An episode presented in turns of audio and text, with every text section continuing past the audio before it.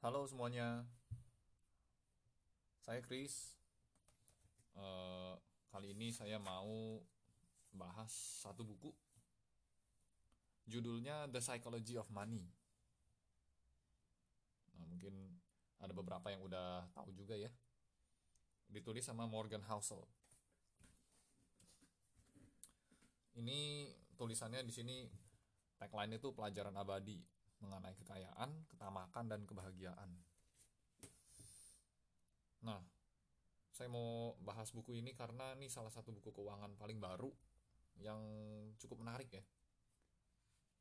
Lagi-lagi yang menarik di sini adalah yang kesannya bukan menggurui ya dan kalau soal keuangan itu bukan soal hal-hal teknis atau matematika gitu ya tapi justru di sini dikasih tahu kelola duit itu hubungannya tuh sama psikologi sebenarnya.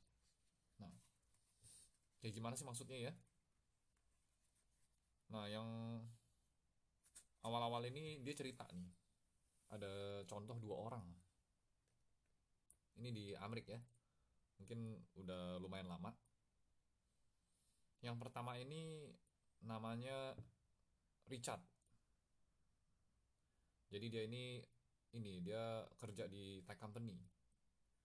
Dia ini katanya yang salah satu owner paten router wifi. Jadi emang udah lumayan lama nih ya. Nah dia dapat paten itu waktu umur 20-an jadi udah sangat sukses nih dari patennya ya. Sampai udah dapat banyak duit. Nah saking saking banyak duitnya ini banyak perilaku perilakunya ini yang suka mamer-mamer gitu. Ini ada satu contohnya dia ngasih duit cash beberapa ribu dolar ke temennya. Katanya disuruh beliin perhiasan. Terus termasuk beliin beberapa koin emas yang harga satu koinnya tuh sampai seribu dolar. Nah terus mau diapain tuh koinnya? Ternyata pas udah dibeliin koinnya tuh dipakai untuk dibagiin ke teman-temannya. Terus dia duduk di pinggir dermaga katanya di pinggir pelabuhan. Terus lomba lempar koin siapa yang paling jauh. Pakai koin emas yang harga satu koinnya seribu dolar. Jadi tujuannya untuk senang-senang gitu ya. Terus sempat ada satu lagi dia katanya sempat pecahin lampu di restoran hotel. Terus dikasih tahu sama manajer hotel disuruh ganti harga lampunya 500 dolar terus dia bukan ganti 500 dolar tapi dia kasih langsung 5000 dolar cash. Katanya dia langsung diusir manajernya langsung diusir, disuruh pergi. Nah terus kan kita jadi ini ya jadi bingung ya ini perilaku kayak begini nih bertahan berapa lama nih? Dan ternyata bener ya nggak bertahan berapa lama akhirnya bangkrut. Nah eh, tambahan informasi juga beberapa waktu lalu saya juga sempat ada nonton dokumenter di Disney Plus. Ya judulnya Broke. Mungkin kalau teman-teman e, cari ada tuh judulnya Broke. Broke bangkrut ya. Itu diceritain tentang pemain-pemain e, olahraga di Amerik e, ter terutama ada tiga liga ya. Tiga liga gede di Amerik ya. Ada NFL ada NBA sama baseball ya Nah diceritain dari pemain-pemain tiga liga gede di Amerika itu sebenarnya mereka tuh udah mulai dikontrak sama tim-tim gede itu dari usia muda banget. Bahkan sebenarnya sejak lulus kuliah ya. Mungkin ada beberapa yang nggak kuliah gitu. Jadi dari lulus SMA langsung dikontrak. Nah di film itu diceritain pemain-pemain ini ibaratnya jadi kayak OKB. Baru lulus SMA, lulus kuliah, udah langsung disiram duit sampai jutaan dolar jadi dia tanda tangan kontrak misalnya kontrak lima tahun gitu ya. Nilainya sekian langsung langsung sekian juta dolar gitu. Karena mereka memang jago gitu ya. Nah pas udah terima duitnya ini nih yang mereka jadi ya perilakunya jadi perilaku OKB kalau di Indonesia nah ngomongnya OKB ya orang kaya baru. Langsung di spending gede-gedean. Beli mobil lah beli beli rumah lah beli perhiasan lah yang katanya salah satu motivasinya adalah untuk untuk membuat cewek terkesan gitu ya.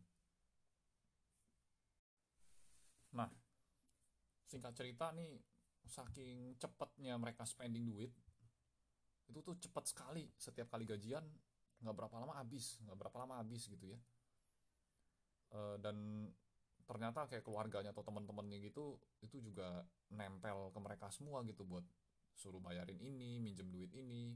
Jadi ada aja gitu ya eh, duitnya jadi keluar terus gitu. Nah sampai akhirnya di akhir dokumenter itu diceritain udah sampai kayak begitu terus living paycheck to paycheck sampai akhirnya bangkrut. Bahkan ada banyak yang ngajuin kalau di Amerika tuh kayak ada perlindungan kebangkrutan gitu secara pribadi ke sampai ke pengadilan gitu nah setelah si pemain-pemainnya ini bangkrut baru deh kayak keluarga atau teman-temannya yang akhirnya tahu bahwa mereka bangkrut baru satu-satu pada pergi gitu. Jadi memang berhubungan sama perilaku gitu ya. Nah tapi ada satu juga contoh lain yang berkebalikan nih. Eh, satu orang namanya Ronald Reed ya jadi Ronald Reed ini dia dulu kerjanya itu di pom bensin selama 25 tahun. Sama jadi cleaning service di JCPenney JCPenney itu Dep Store ya selama 17 tahun. Terus eh, dia cuma punya rumah eh, harganya waktu itu 12.000 dolar dan dia di sana sampai meninggal ya. Terus katanya istrinya meninggal waktu dia berumur 50 dan nggak merit lagi. Nah si Reed ini baru meninggal pada umur 92 tahun. Ya 92 tahun. Nah terus tiba-tiba masuk berita nih dia. Si Reed ini tiba-tiba masuk berita. Ternyata di surat wasiatnya dia mewariskan 2 juta dolar kepada anak-anak tirinya. Ya, jadi dia nggak punya anak ya. Diwarisin ke anak-anak tirinya 2 juta dolar. Terus belum cukup nih. Diwarisin lagi 6 juta dolar kepada rumah sakit dan perpustakaan lokal. Wah kaget kan semua orang? Dari mana tuh? Eh, jaga pom bensin sama cleaning service. Bisa dapat duit sebanyak itu gitu. Ternyata nggak ada rahasianya dia nggak pernah beli lotre nggak pernah ngapa-ngapain. Kerjaannya adalah nabung berapapun yang biasa dia tabung dan dia investasiin di saham blue chip. Di saham big caps. Terus ngapain? Udah dia nunggu. Berapa lama? Sampai puluhan tahun. Udah gitu doang titik. Dari cleaning service jadi filantropis gitu. Nah ini dua contoh orang yang berbeda ini ya. Yang tadi satu namanya Richard yang satu namanya Ronald Reed itu ngegambarin tentang bahwa kalau soal duit ini nih bukan soal pendidikan ya bukan soal kecerdasan atau siapa yang lebih jenius siapa yang lebih pintar siapa yang lebih jago yang sekolahnya lebih tinggi itu bukan. Jadi memang kalau soal kelola duit ini itu berhubungan banget sama perilaku. Ya. Perilaku. Jadi bisa jadi orang yang udah pinter yang jenius yang gelarnya sampai S1 S2 S3 itu bisa aja bernasib sama seperti yang si Richard yang tadi. Atau seperti pemain-pemain olahraga yang tadi di dokumenter. Nah tapi orang-orang biasa aja gitu ya. Yang perilakunya bener itu ternyata bisa happy ending gitu ya. Bisa punya banyak duit gitu. Nah eh, di buku ini juga ada sempat kasih tahu beberapa ilmu lain lagi ya. Jadi selain inti ilmunya itu memang itu bahwa kelola duit itu berhubungan sama perilaku. Jadi dia kasih tahu lagi di sini si penulis bukunya si Morgan Housel ini kalau dapetin uang itu itu satu hal. Ya satu hal. Nyari duit itu tuh satu hal. Tapi jaganya itu itu lain cerita. Jadi ada banyak orang yang jago nyari duit tapi ternyata nggak bisa jaganya gitu. Jadi dia bilang itu untuk cari duit memang diperlukan sikap berani ya ambil resiko sikap optimis gitu ya. Nah tapi buat ngejaganya itu wajib hemat dan paranoid. Hemat dan paranoid. Jadi pas nyari duitnya re, harus berani ya ngambil resiko optimis. Ngejaganya itu wajib hemat dan paranoid. Gitu. Menurut si Morgan Housel ini kalau kita belanja di atas tingkat materialisme tertentu itu sebenarnya cuma cerminan ego cuman mau tunjukin ke orang aja kalau kita ada duit jadi sebenarnya kalau kita tujuannya mau nambah tabungan, itu sebenarnya bukan cuman nambah pendapatan. Nambah pendapatan doang, kalau masih belanjanya juga kencang ya bocor-bocor juga gitu ya. Jadi cara paling dahsyatnya itu bukan cuma nambah pendapatan, tapi nambah kerendahan hati.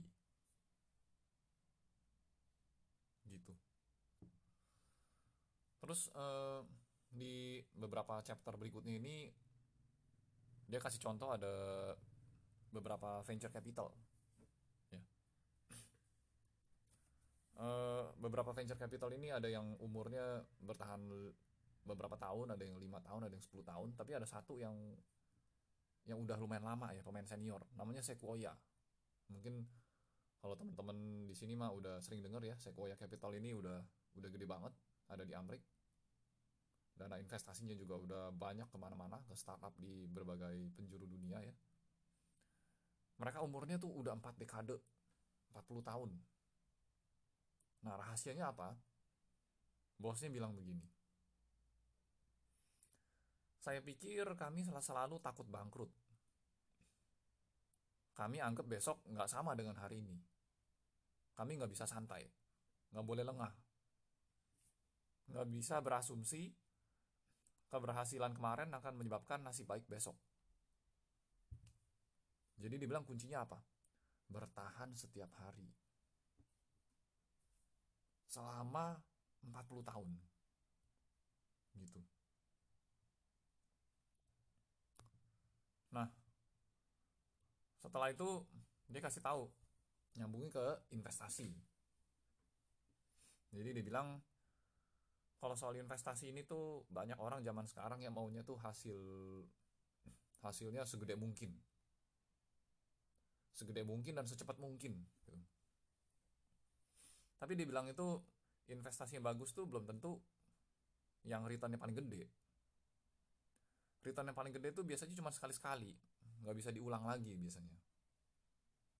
Nah yang lebih penting itu dapat return yang masih lumayan tapi bisa diulang terus menerus gitu.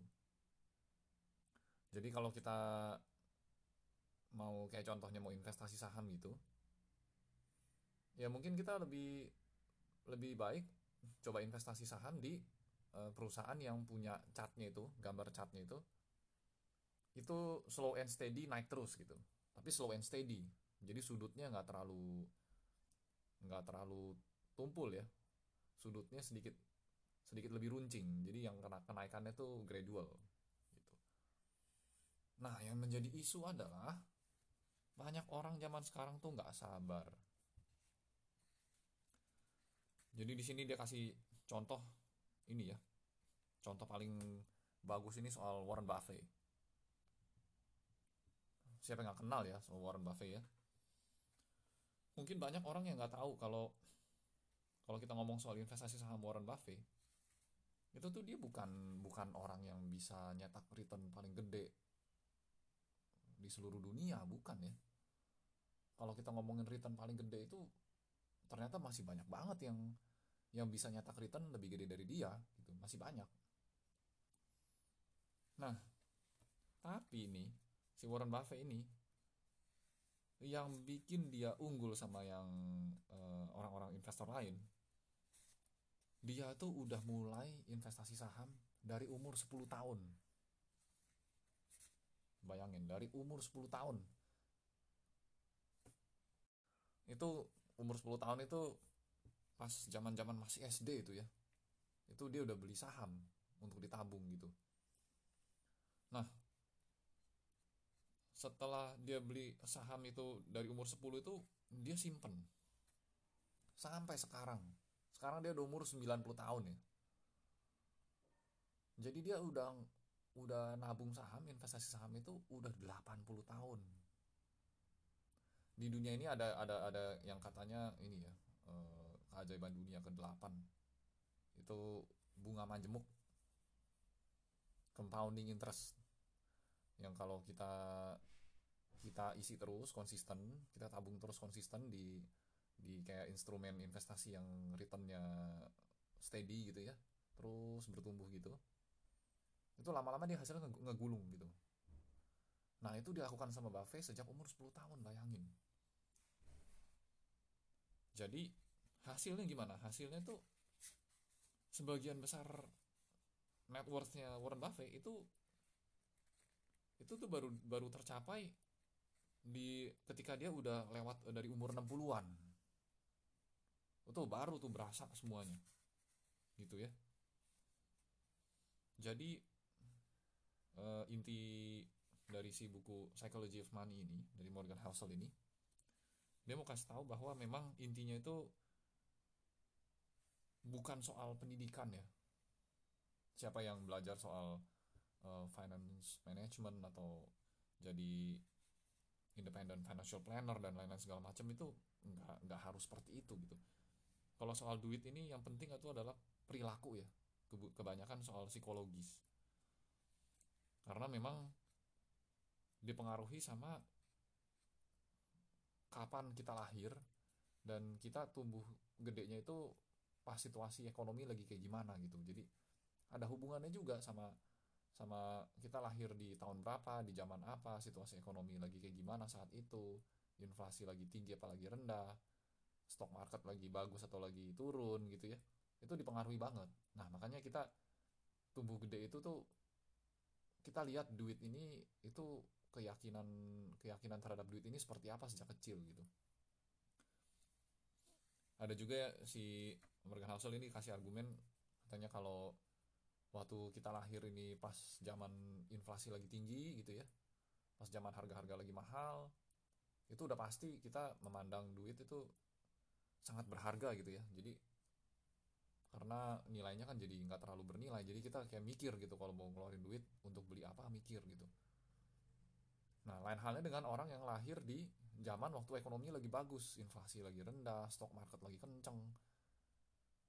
Itu pasti dia kerjaannya spending terus tuh ya spending investasi ya maksudnya nggak terlalu banyak mikir sampai yang tadi contoh pertama gitu ya